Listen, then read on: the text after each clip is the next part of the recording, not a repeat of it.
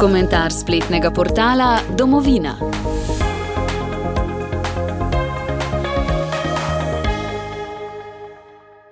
Zdaj pa vas vabim, da prisluhnete komentarju spletnega portala domovina.je, ki ga je pripravilo uredništvo pod naslovom Ministrstvu Tanje Fajon se v prazničnih dneh mudi zaposlovati. Gre za politični klientelizem, opozarja Lahovnik. Nekdani gospodarski minister, profesor ekonomije na Ljubljanski ekonomski fakulteti in član strateškega sveta za makroekonomijo Matej Lahovnik je na Twitterju objavil, da naj bi šlo pri počitniškem javnem razpisu Ministrstva za zunanje zadeve za politični klientelizem. Domnevno vnaprej dogovorjeni natečaj ministerstva namreč poteka od 26. aprila do 4. maja, torej med prazniki oziroma vmes je le nekaj delovnih dni, zato je Lahovnik pozval k preverbi tega, komu je delovno mesto na ministerstvu, ki ga vodi Tanja Fajon, namenjeno.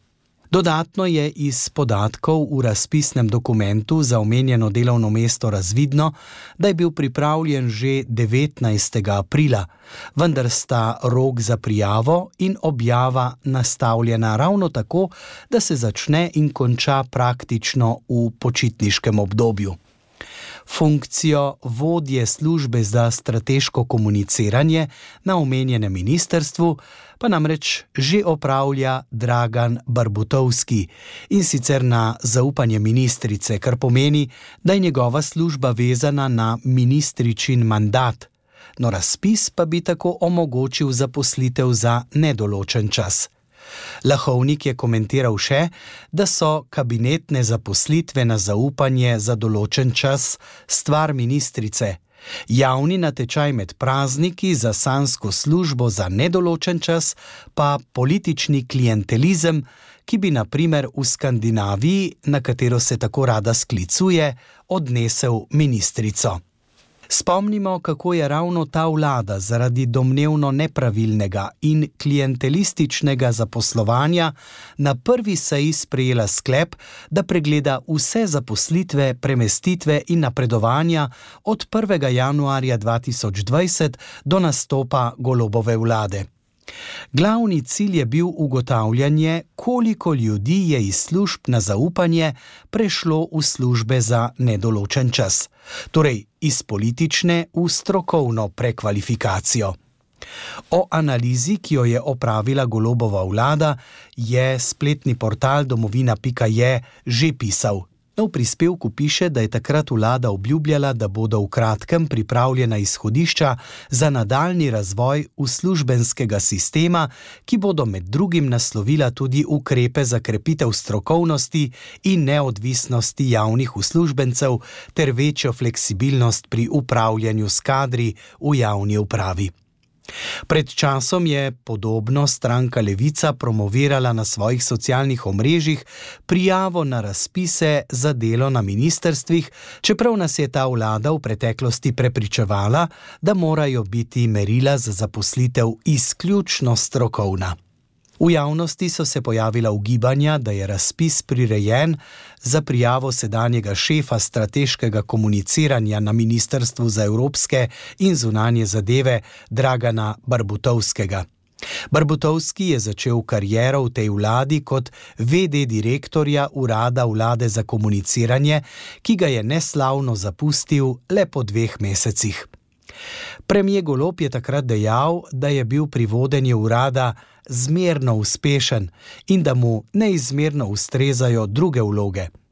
Za mesto, ki ga sedaj zaseda, je ob zamenjavi premijer Golop še komentiral: Verjamem, da mu je ta vloga bolj pisana na kožo kot vodenje urada s 40 zaposlenimi.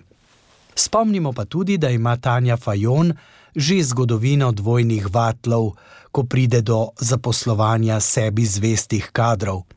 Namreč leta 2015 je takratna europoslanka Fajonova zaposlitev Žana Janše v kabinetu evropske poslanke Patricije Šulin obsodila z besedami, da je denar, ki ga nameniš nekemu asistentu, denar davkoplačevalcev In če zaposliš nekoga, ki je član tvoje družine, se mi zdi, da bi bilo to povsem neprimerno.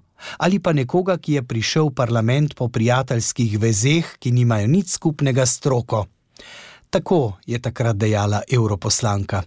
Štiri leta kasneje ni imela nobenih takšnih etičnih zadržkov, ko je zaposlila takrat ravno dobro diplomirano Špelo Han, hčer takratnega vodje poslanske skupine SD Matjaža Hana.